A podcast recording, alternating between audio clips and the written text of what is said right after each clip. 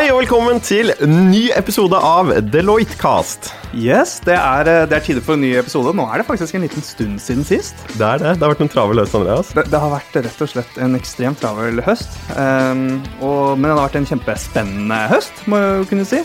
Ja, Skal vi gi en kort oppsummering på hva vi har gjort siden sist? da? Kan ikke du starte med det, Andreas, og si litt hva du har brukt tiden din på? Ja, ja, det kan jeg gjøre. Og jeg har um, Vi har jo eh, egentlig nå jobbet mye med et sånt lederutviklingsprogram. da. Sånn Mhm. som eh, Jeg har egentlig tatt litt over for deg. Jeg er jo din etterfølger her. Dette her. et eh, Ja. Samme kunde, eh, nytt eh, konsept. Og enda mer innovativt. Og enda mer innovativt, Wow, so wow. they say. eh, hvor vi tar i bruk agile methodology og For chatbots og microlearning og alle disse buzzwordsene og setter det ut i liv. Det er jo litt gøy, da. Endelig få gjøre det på ekte. Eh, I den settingen. For jeg har jo kjørt eh, agile i, mm, lenge, egentlig. I det siste mm, prosjektet som jeg har vært i det siste året. Så det er veldig gøy. å- Og, og det har liksom ligget i hodet mitt lenge. Hvordan kan vi gjøre dette på en annen setting enn ren teknologi? Eh, og det har vi nå egentlig utviklet et ganske kult konsept for. Så det, det er gøy. Det er kjempemoro. Kult. Cutting edge. Det kommer til en virksomhet nær deg om, om kort tid. Ja. Er det ikke sånn det skal være? Snakk med din eh, lokale HR-sjef, så hooker vi deg opp med det. Så bra. bra. Podkast med dette med en salgskanal. Det Ja, det det plutselig ble det. Det, Det er jo hyggelig, det òg. Mm. men uh, du har jo også gjort mye. Jeg har gjort mye uh, denne høsten. Jeg merker at jeg prøvde å tenke hva det var, og det var litt vanskelig. Men det har vært mye at jeg har fortsatt i det samme sporet og levert mye med lederutvikling. Vi hadde en stor kunde i retail som, ehm, hvor vi hadde et utviklingsprogram for HR-ansatte, eller HR-ledere, egentlig, som det var uh, kult. Tredagerssamling som vi leverte for et par uker siden der, så det Det var litt sånn spurt med det. HR-akademi. eh, Oh yeah, oh yeah. Så det var liksom sånn på grensen av lederutvikling og liksom uh, opplæring, eller ja. Det var det. Eh, det var kult. Og så har jeg, jeg har jo planlagt tur, da. Det Ja. har også vært noe som har skjedd denne høsten her. Det er jo Eh, en stor, eh, en stor eh, nyhet, det, da. Mm. Eh, som er jo veldig trist å melde. Litt trist, eh, men, men det må melde seg likevel. Så, så dette her er da for nå den siste podkastepisoden jeg kommer til å spille inn på en veldig lang stund. Jeg skal da ta permisjon. Det tar oss litt inn på, på temaet work-life balance, som vi skal snakke om i dag. mm. Eh, I syv måneder nå å reise ut i Sør-Amerika. Så, eh, så dette er litt sånn spesielt for meg, egentlig, å sitte her og snakke inn i denne podkasten på siste gang på veldig, veldig lenge. Det er, det er jo det. Mm. Uh, og så er det jo Ja, jeg tenker det er også en måte å ta ut work-life balance på, for jeg vet at du har jobbet faktisk ganske mye. Mm. Eh, og da er det jo en, en mulighet. Er jo bare å si takk og farvel og signe helt off for et halvt år. Det, Ikke sant, Du kan enten balansere det i løpet av en dag, og det kommer vi sikkert tilbake til, og Mm. ha sånn åtte timer på jobb og så noen timer fritid og sånn. Eller så kan du bare fordele det mer på hele året. Mm. Altså du jobber lange, lange dager, og så, så jobber du ingenting. knallhardt, og så helt uh, off. Ja. Så vi prøver den siste modellen. ja. Eh, Det er tema for i dagen også, eh, work-life balance. Før vi går inn på det, så tenker jeg Du hadde en liten sånn epiphany, Andreas. Ja, jeg, hadde, jeg, må, jeg må ta den, for jeg hadde Ja. den her i går, faktisk. Og dette er jo litt sånn Nå, for, nå kommer det et litt sånn innblikk i vi, hva vi driver med, liksom, det som foregår på innsiden av veggene her. Fordi vi, eh, vi står i en sånn eh, et sånt eh, veiskille, holdt jeg på å si. kanskje ikke veiskille, men i en, vi snakker alltid om tjenestedesign og design thinking, og det skal være eh, brukerorientert, man skal ta, ha en lang og god innsiktsperiode eh, før man og, og absolutt ikke hoppe til løsning. Og det er jo for så vidt, altså det siste er jo sant for um, konsulenter også, men det vi blir lært opp i på konsulentkurs når vi starter, er jo hypotesebasert consulting. Hvor, hvor man liksom Man går inn med sin ekspertkunnskap og tar og med, på en måte utgangspunkt i at man vet noe. Og sånn at man slipper å få en big bang på slutten av et stort prosjekt hvor man på en måte skjønner alt.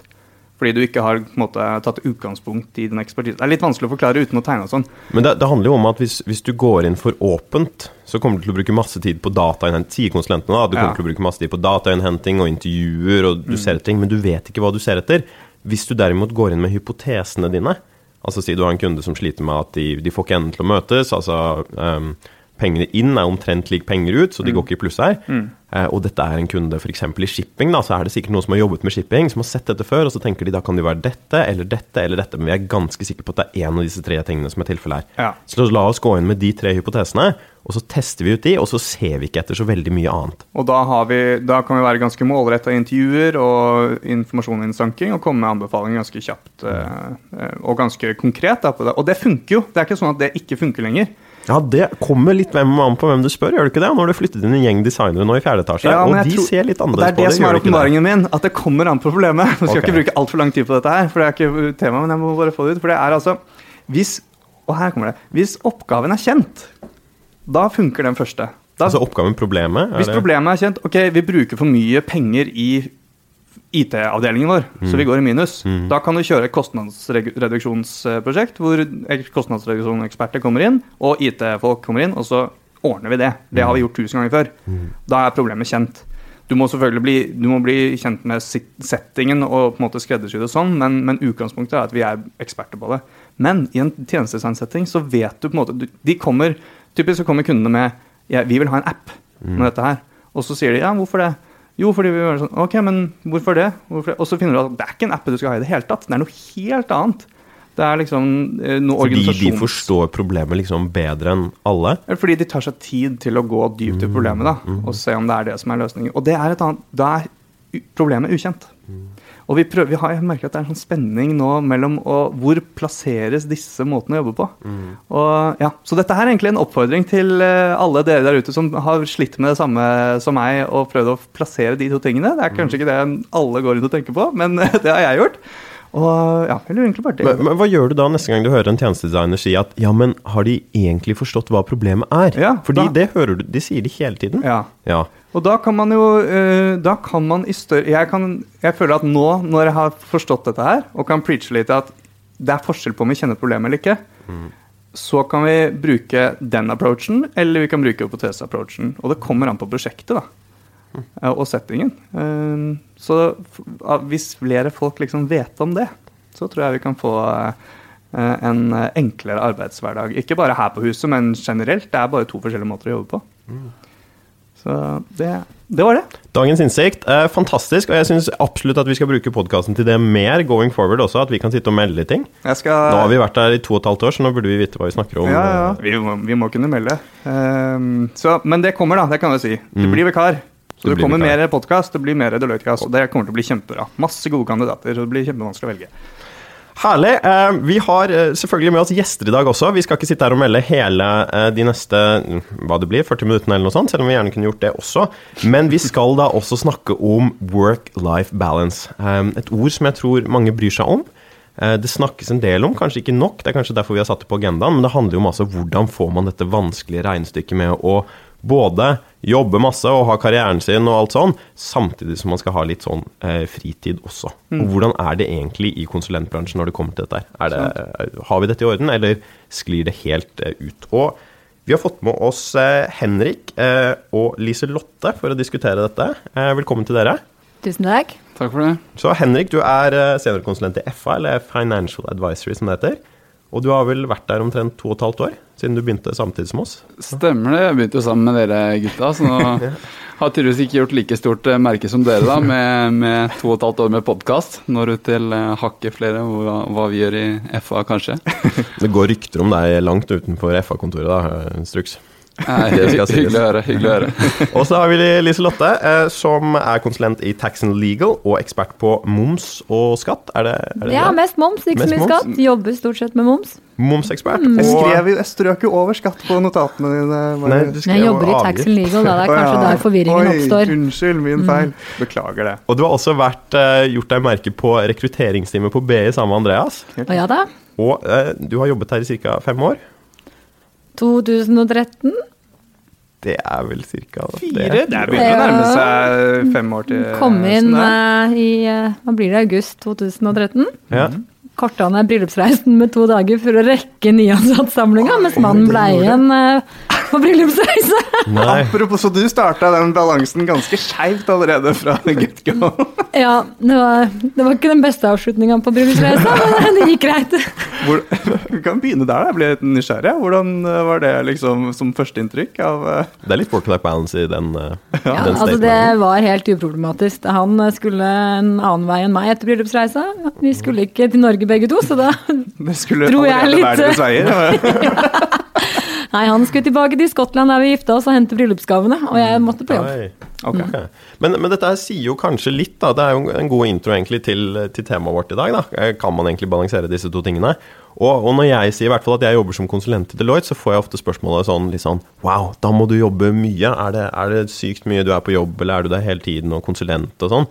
Så eh, hvordan er det dere eh, svarer på det spørsmålet, hvis dere får det, om hvor mye er det egentlig man jobber i Deloitte?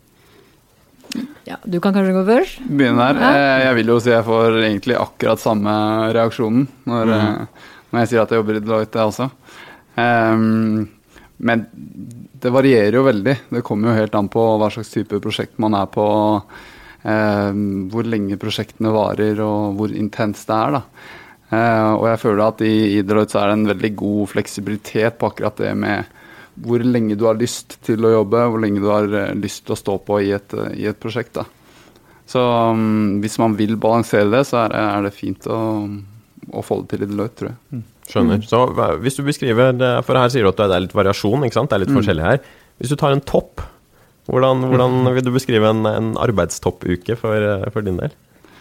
Nei, For min del så er det jo Nå jobber jeg i Financial Advisory, og da har vi i utgangspunktet ganske intense prosjekter når de først eh, går, da. Ja.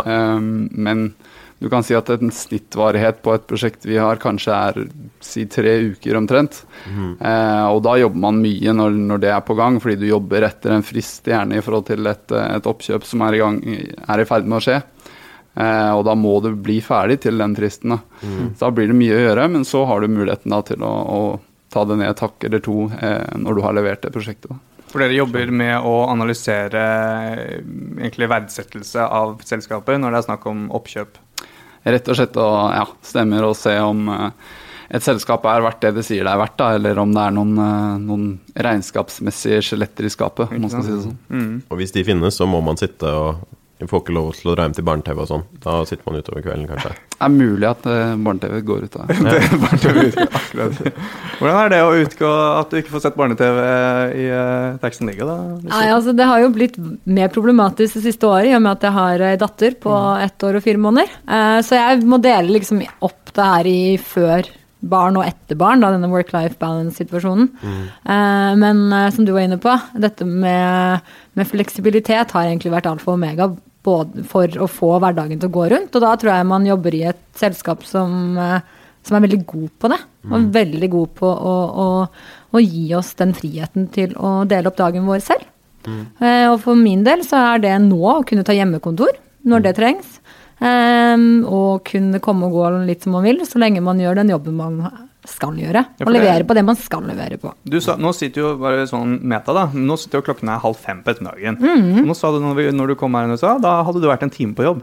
Ja, eh, i dag har jeg snudd og helt opp ned på ting. Du det hører med, så Jeg har en mann som reiser veldig mye i jobben sin. Sånn at eh, da har vi ei tante, min lillesøster, som er gull å ha for å få denne work-life-balancen til å gå opp. Eh, og i dag så henter hun i barnehagen, sånn at jeg kunne komme på jobb en, en time for en times tid siden, da hun har vært syk. Så jeg måtte være hjemme og være i nærheten av barnehagen i tilfelle ja, det, Jeg sendte henne litt for tidlig i barnehagen, tror jeg egentlig. Hun hadde feber i natt. Og da tenkte jeg da kan jeg være i nærheten, så kan jeg heller komme på jobb på ettermiddagen, og noen andre kan hente henne. Det er jo litt deilig å sitte hjemme og jobbe av og til òg. Jeg må innrømme det. Ja. det. Selv om det er mye det er, Problemet er at det er så mye hyggelige folk, og så Ja. mye spennende å snakke om, at uh, noen ganger må man bare Kaffemaskinen bare er en magnet på oss alle Ja, for å få ja, ja. oss tilbake på kontoret. Hjemmekontor med GJ, det, det trengs av og til. altså. Man må gjemme seg litt. Tenne stearinlys og høre på litt rolig musikk og gjøre sånn som i dag. Det er kjempedeilig. Av og til så er man nesten mer effektiv hjemme enn hva man er på jobb, på grunn av kaffemaskin, lunsj. Mm. Man snakker litt med kollegaene sine, så Mm. kjempegodt alternativ. Det er det. Noen ganger må man bare fokusere litt. Mm. Du snakket jo også, Henrik, eh, at eh, vi snakket litt om datoer for denne podkasten. Og da synes jeg å huske at du eh, har en, en tur coming up. Fra, er det 4. til 13. eller noe sånt? Så Veldig spesifikt. Veldig Stemmer også? spesifikt. Ja. Jeg liker at du har kontroll på kalenderen min. Ja, jeg har det. Ja. Jo, det, det stemmer det. Det blir rett og slett en, nå en liten uh, førjulsferie. En, uh, omtrent en uke før julen setter inn. Ja. Eh, hvor det da skal tas igjen noen, noen mil på ski, rett og slett, som ikke har blitt uh, gått uh, foreløpig i, i vinter eller i høst. Huh. Så du kunne hatt en 8-4-jobb og liksom gått ski på kveldene, men, men nei da. Du har FA-jobben og går heller intenst på ski da, nå før jul. Og Ikke sant? Jeg, Ja. jeg tar egentlig da kortversjonen av den eh, du skal ut på nå. Jobbet mye i en tre-fire uker, og så blir det en, en uke av. skjønner. For du, du kjører ganske knallhardt på, på trening og, og ski spesielt, er det ikke sånn? Det blir litt ski, ja. Jeg gikk jo eh, aktivt tidligere, så Mm. det er vel noen eh, håpløse rutiner som henger igjen derfra, tenker jeg. Hvordan ser liksom en dag ut da, når du skal få til trening og sånt? eh? Nei, Det varierer også veldig med møteaktiviteten på dagen. da. Mm. Eh, ofte er det jo nettopp mulig pga. den fleksible arbeidstiden da, å ta en, ta en økt tidlig på, på morgenen og så komme inn eh, litt senere istedenfor å være her sharp eh, åtte. da. Mm. Og det er, det er veldig deilig. Jeg hadde aldri klart det. Jeg klarer ikke å trene om morgenen. Jeg har ikke sjans. Ikke? Det er en vanlig sak. Helt, der er det det. Ja, jeg er med på at det er en vanlig sak. Jeg klarte ikke det før, jeg heller. Men Og så så begynte jeg å legge meg ti og stå opp klokka seks, og da går det helt fint. Men problemet er at jeg vil ikke legge meg ti. Nei, det er jo problemet. Det er Den beste timen er jo fra ti til 11. Ja, det hørtes ut som en dritvanskelig utfordring. av det, det. Helt uoverkommelig. Men mot seg selv.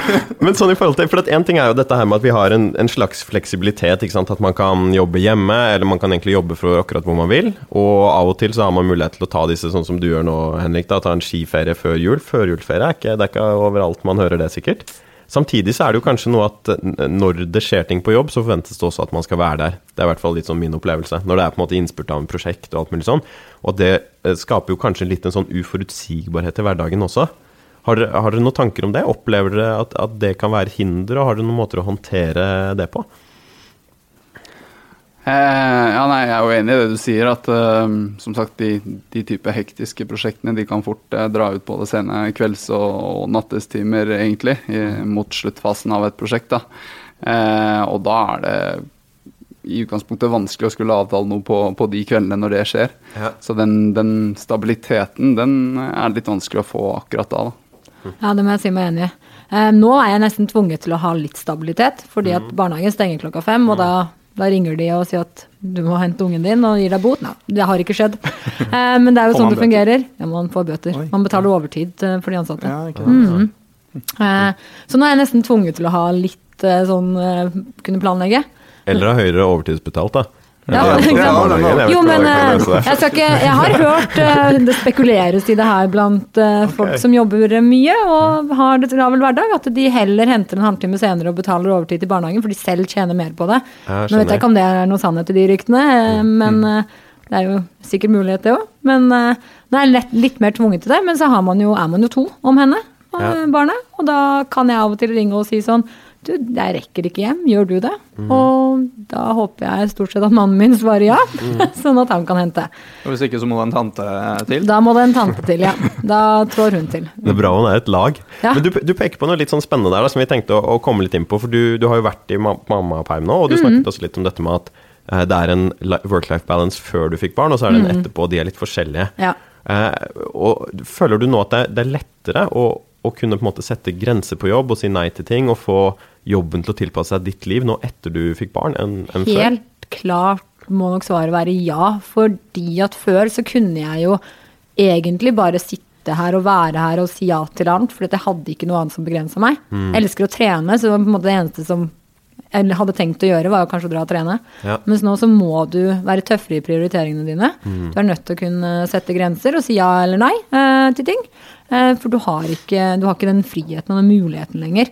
Og det gjør også at man må tenke litt mer effektivt, og man må på en måte effektivisere hverdagen sin på litt annen måte. Eh, og jeg har ikke tid til like mange kaffekopper og kanskje gå og trene midt i arbeidstida, for så gå tilbake til kontoret, litt sånn som man gjorde før. Spise middag her, bruke en time på det, lang lunsj. Altså, den, den fleksibiliteten er jo borte nå. Eh, men det er også litt deilig, på en måte. Ja. For du vet når, dag, du vet når arbeidsdagen din er ferdig. Mhm. Eh, og det er litt godt. Er det litt mer akseptert da å på en måte legge fra seg mail og PC?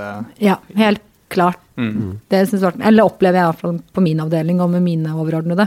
Mm. eh, At det vises god forståelse for den situasjonen man er i. Mm. Eh, Og det respekteres. Ja, for jeg opplever at- det å få barn er jo på en måte det ultimate trumfkortet, da. Når det kommer til å sette grenser og, og si nei også. Det er liksom ikke så mye som man skal ha sagt om det. Nei. Eh, Hva tenker du om dette med å sette grenser? Og, så vidt jeg vet, Henrik, så er du ikke med noe barn ennå.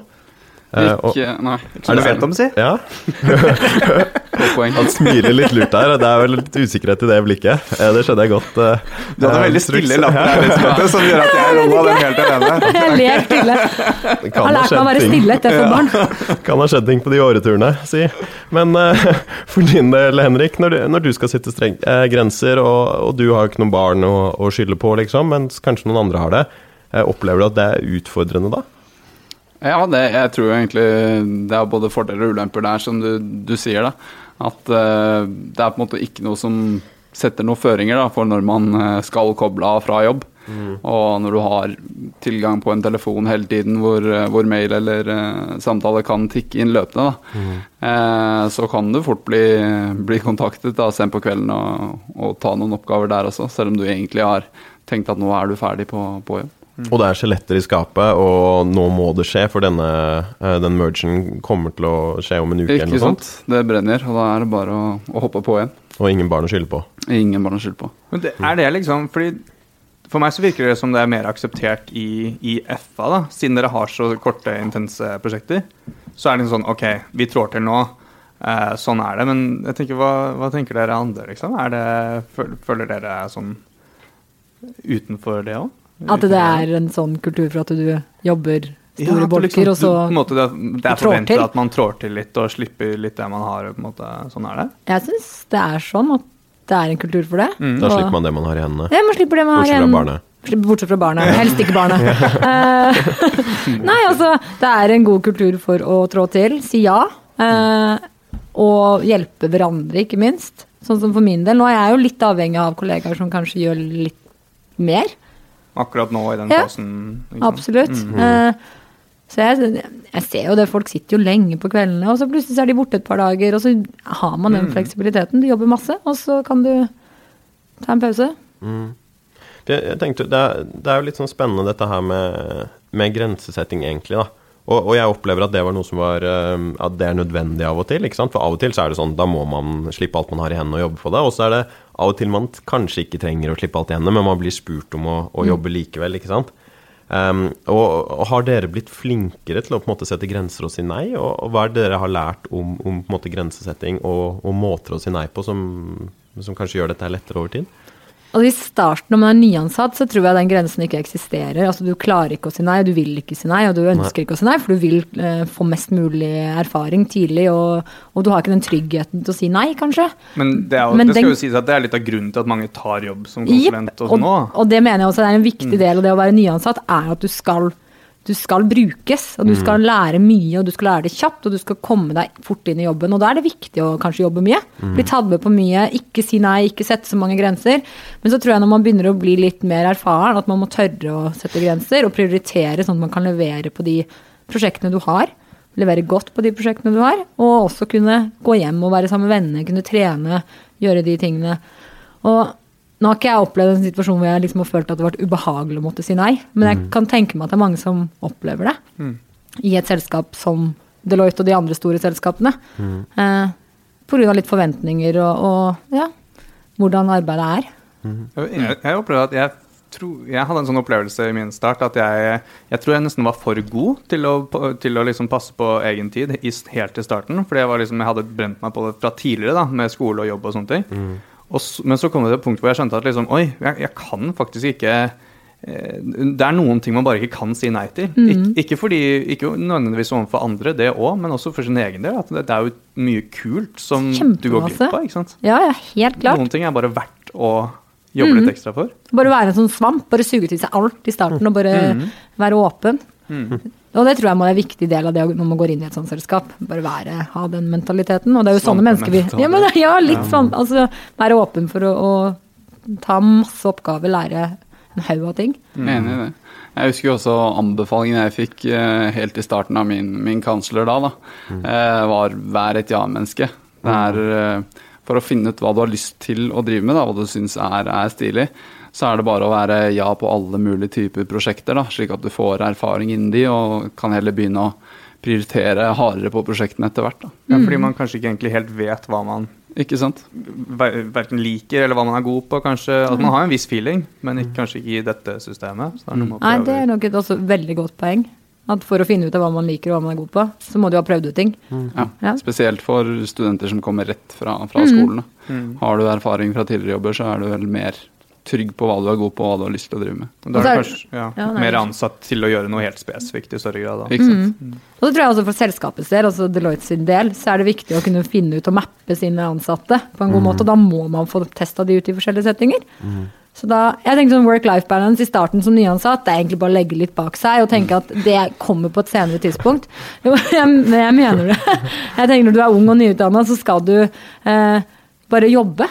Ikke bli, eh, ikke bli misbrukt eller utnytta på noen som helst måte, men jobbe og, og lære deg ting. Og selskapet kan lære seg om deg. Og så kan du begynne den harde prioriteringa. Work-life balance kommer eh, som en naturlig del av livet for veldig mange etter hvert. Når du får barn, f.eks. Eller når du blir kjempesliten. Ja, Mm. Tror, tror du det er mange barn som er født fordi eh, noen konsulenter trengte en unnskyldning for å komme seg litt vekk fra jobb? Jeg lurer på om det bidrar til befolkningsvekst. eh, ja, det kan absolutt gjøre det. For vi trenger jo det i Norge òg. Ja. Det er jo en, det er en annen ting da, og det er som jeg tenker på, som gjør at jeg, eh, jeg passer på å prioritere litt andre ting også. Sånn, eh, altså, om, for din del liksom trening. For meg sitte på sofaen og spille Xbox. Eh, Nydelig, da. eller, eller lage musikk, da, som jeg driver med en del med på, på fritiden. Yeah. Og, og få utrolig mye energi av det. Og, og, og så tenker jeg at det er overførbare erfaringer fra både idrettsverden eller musikk eller Ja. tegning eller maling eller whatever hva det skulle være. Som jeg tror den erfaringen kan man ikke helt se bort fra heller. At det er viktig å få de impulsene fra, fra andre steder. Spesielt eh, Spesielt etter hvert, kjenner jeg. Det blir bare viktigere og viktigere. Jeg tror nok du er er inne på noe der. Og så er det dette her med å ikke eh, overanstrenge seg til at du mister den kognitive egenskapen din. Du har ikke muligheten til å utnytte på jobb lenger noen ting. Du, du blir rett og slett eh, hva skal man si, mindre produktiv av hvor mer du jobber. Når du kommer til det stadiet, så er man nødt til å sette på bremsen og kanskje gjøre ting man liker. Dra på en ukes treningstur eller lage musikk og gjøre disse tingene. Og det tror jeg er viktig at arbeidsgiver også erkjenner at det er en kjempeviktig del. At work-life balance handler ikke nødvendigvis om å bare ligge på sofaen og ikke gjøre noen ting. Det handler om å hente energi der du kan hente energi for å prestere på jobb igjen. Og det, det opplever jeg at det er, det er rom for her også. Eh, Jeg tenker sånn, nå, nå snakket vi litt om at de første årene så må du bare si ja og jobbe på og egentlig være tilgjengelig der hvor det trengs. Eh, Men jeg opplever også her at hvis, eh, hvis det går til det stedet hvor du føler at nå henger jeg ikke helt med, eller nå har jeg noen ting, jeg har en kjæreste, et eller annet som, og dette går på bekostning av det, så bør man samtidig si ifra, da. Og jeg tenker jo at det er rom for det her også, selv om, selv om man skal være på et ja-menneske de første årene også. Ja, det tror jeg. Og som Andrea sier, så er det jo en viktig greie det her også, at man trenger kanskje litt impulser fra andre steder.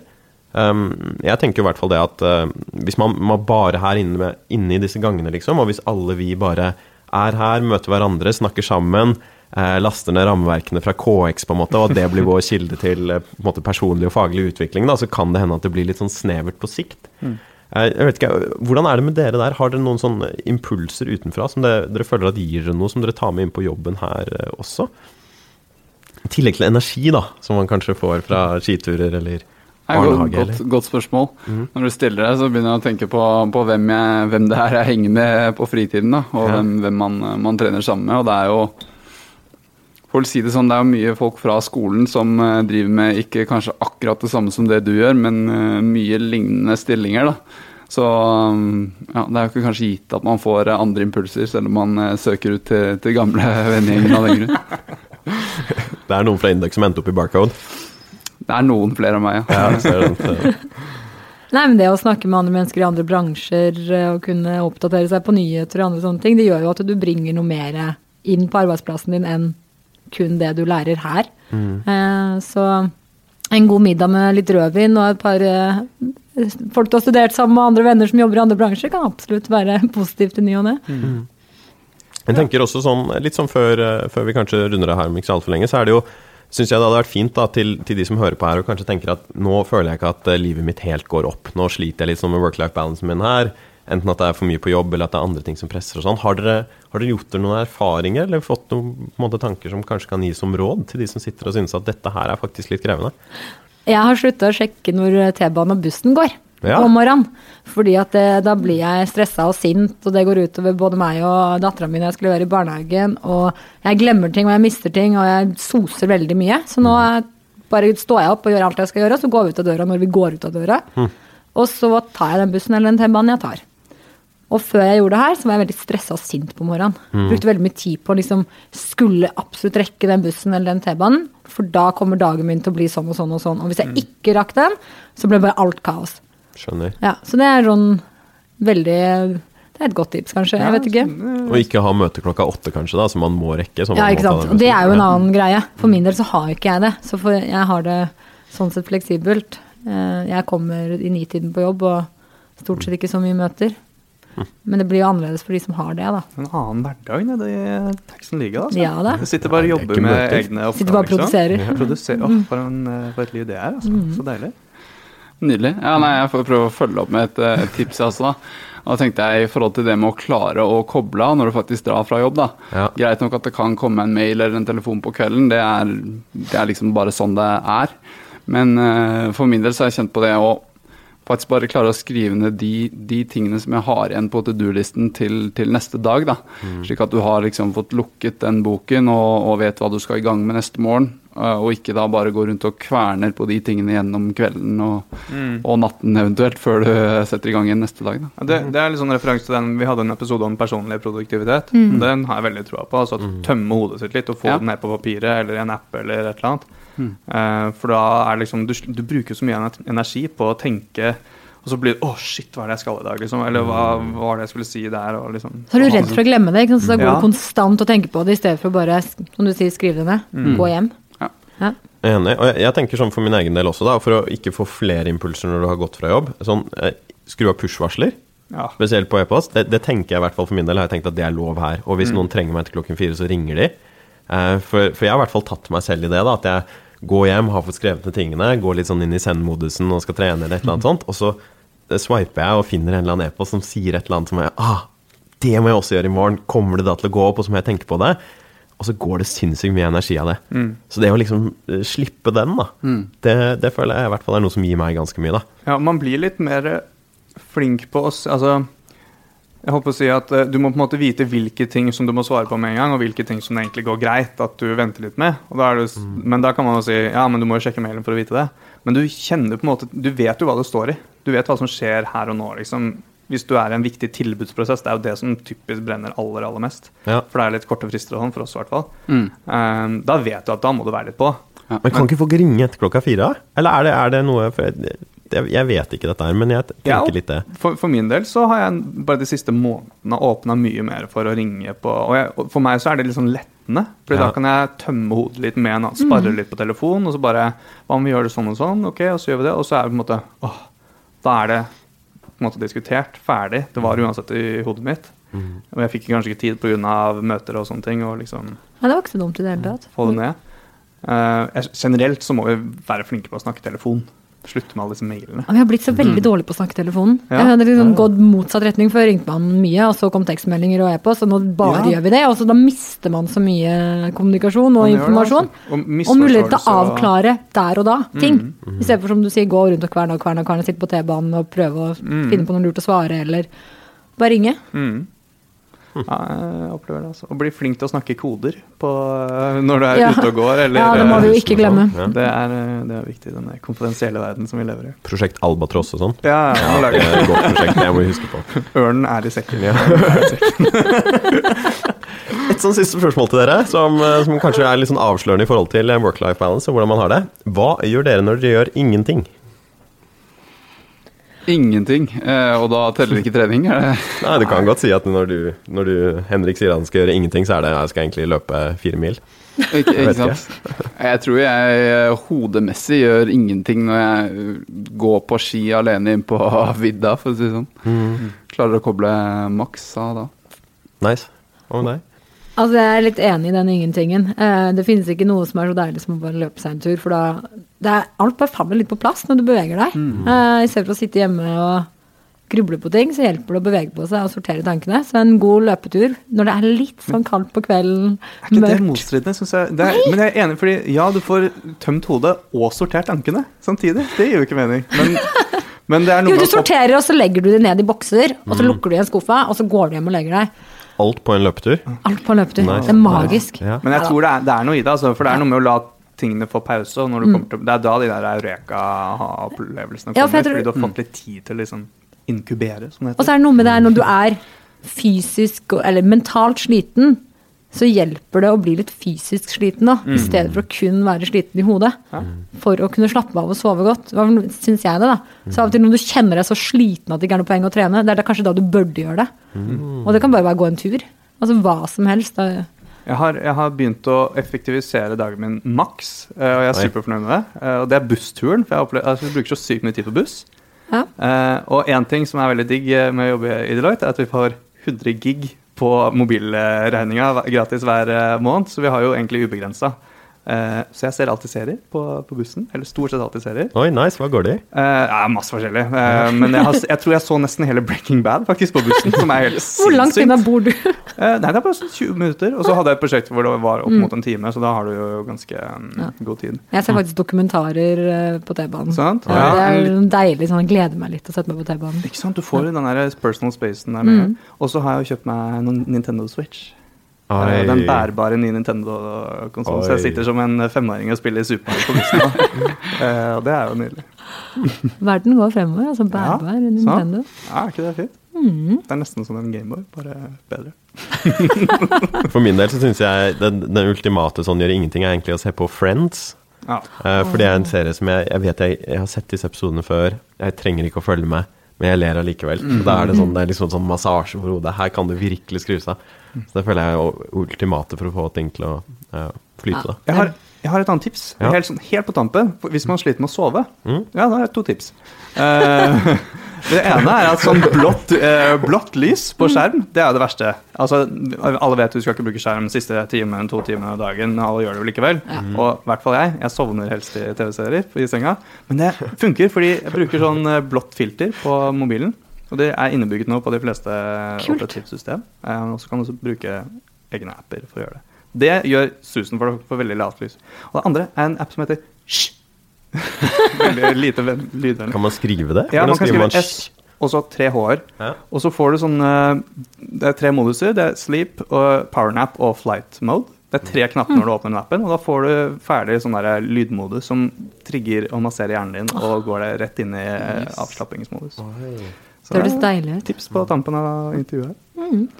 Gode tips både til hvordan man skal eh, overleve og eh, balansere, og, og sovne også, høres det ut som her. Eh, jeg Viktig med søvn, da. Utrolig viktig. Det er det. Det er Det er da vi lades. Det er det. Mm. Oh, og med det, det er da vi lades. Det er, da vi lades. er, det, er det åtte timer? Syv timer? Og jeg skal ikke si uh, søvnmønsteret mitt er helt ødelagt. Det Det er også kanskje sånn før og etter baby. fire i natt, og så var det ti kvelden, altså dagen før, så det er bare tull. Ja. er bare tull. Men i snitt så blir det ca. I snitt så blir dette bra. Kanskje vi skulle ha- kalt det work-life sleep balance for å fått inn litt det mer også? Ja, det tror jeg, ja. Du sover godt? Jeg så veldig bra. Det var, og med det, der hører jeg at Marius må ut i perm, for eh, intervjukvaliteten går drastisk ned. Det er den der, når jeg har fått en sånne liten, det er kanskje work-life balancen sin skyld også. at Jeg har dratt med meg en liten sånn høstforkjølelse her også. Jeg ser hodet er liksom på vei ut i grøt nå. Sånn åtte måneders Og snakker om søvn også, så sklir det helt ut der. Du trenger jo gode åtte måneder. Da, helt. Tusen takk for at dere kom, Henrik og Liselotte. Dette her var fantastisk. Um, veldig gode innspill, både gode tips og refleksjoner. Så jeg håper at uh, dette både bidrar til at folk tar mer av denne diskusjonen i gangene og rundt kaffemaskinen, og kanskje at man uh, har et par triks man kan begynne å bruke også. Sette litt harde krav til når, og, når det er lov å jobbe, og ikke love. Kanskje det jo, Love, altså. er? Jobbe. Det var bare tull, det. Så det er bare tull. Jeg tror det er viktig. Ja, Så tror jeg Få sette litt krav på seg selv og bestemme seg for når eh, Hvordan vil jeg leve? Hvordan vil jeg eh, Du blir mer effektiv dagene? når du har er boksa inn liv. ting. Ja, Nå jobber jeg, nå jobber jeg ikke. ting, ja. Herlig. Takk for at eh, dere kom. Tusen Takk takk. for meg. Takk for meg. Ja, og med den litt uh, surrete slutten så er det over for i år. Og for denne gang, Marius. Det er over for denne gang. Både dette var sesongens eh, siste Deloitte-kast, men også at eh, jeg straks, i morgen faktisk, drar ut i verden og, og tar da permisjon og setter kursen mot Sør-Amerika og blir der til august. Fy søren. Ja ja, du får kose deg masse der. Og så får eh, lytterne våre sende deg gode tanker. Du får sende noen gode tanker til lytterne våre også. Absolutt. Og jeg skal jo høre på, på podkast også, så det gleder jeg meg veldig til når, Veldig når neste episode kommer ut. Mhm. Spent. Og så ja, skal vi kjøre litt uhemmet eh, selvpromotering her òg. Eh, jeg har en podkast som jeg har nevnt i denne episoden, som heter Yoga Yoga, som du kan få lov til å høre på. JÅ, JÅ, eh, Yoga Yoga. Og du har jo en litt podkast på si òg. Absolutt, jeg har det. Eh, Hvis du vil høre litt mer moralfilosofisk tenkning på lydbånd, så kan du høre på Moralistenes podkast, som, som heter det, og som du finner også i, eh, i podkastappen din, selvfølgelig. Moralistene, ja. Og Yoga Yoga er humorbasert med helt tankeløst eh, fri tenking og leker og moro. Så hvis du vil ha noe helt umoralsk og bare humor, så er det, så er det der du skal eh, høre på julen. Vi har hvert vårt. Ja, ja, ja. Og så har Deloitte også kommet med en ny podkast, og de må vi også gi en shout-out til. Kanskje litt viktigere enn våre egne uhemmede selvpromotering. Ja, jeg vet jo ikke det, men vi, vi får se. Ja. Det er i hvert fall media... Ikke Mediacast, Labcast, som har kommet ut fra, fra en gjeng i Bergen. eh, Som har fått litt sånn nye, freshe kontorlokaler som de deler med ganske mange spennende eh, folk. Og de skal vel invitere både dem og, og litt andre gjester inn i studio der for å snakke om litt sånn digitalisering og innovasjon og, og sånn. De har kommet ut med en episode, så hvis det ikke var nok eh, Deloitte-cast denne høsten, så er det bare å tune inn på det. Det blir spennende å høre om hva de driver med der borte, i laben der. Eh, og ellers så er det bare å dele og spre det gode budskap om Deloitte-kast videre neste vår og i julen også. Eh, send inn mail om med spørsmål eller forslag til tema til podkast.deloitte.no som eh, vanlig. Og eh, ja, det kommer mer over jul. Det gjør det. Og så kan dere bare sende reisetips til Sør-Amerika på podkast.no også. Så hvis dere har det sånn på tampen, så setter jeg pris på det. Kjempebra. Og så kommer det mer til jul, ja, når du får med deg en, en ny person her i studio. Det gleder jeg meg til å høre på. Det blir moro. Eh, det, blir, det blir kjempegøy. Og så lenge så eh, får dere bare ha eh, aldeles strålende jul og godt nyttår, eh, kjære lyttere. Og med det så takker jeg med deg. Ja, nå det, Da får vi si god jul. Takk for nå. Eh, vi høres.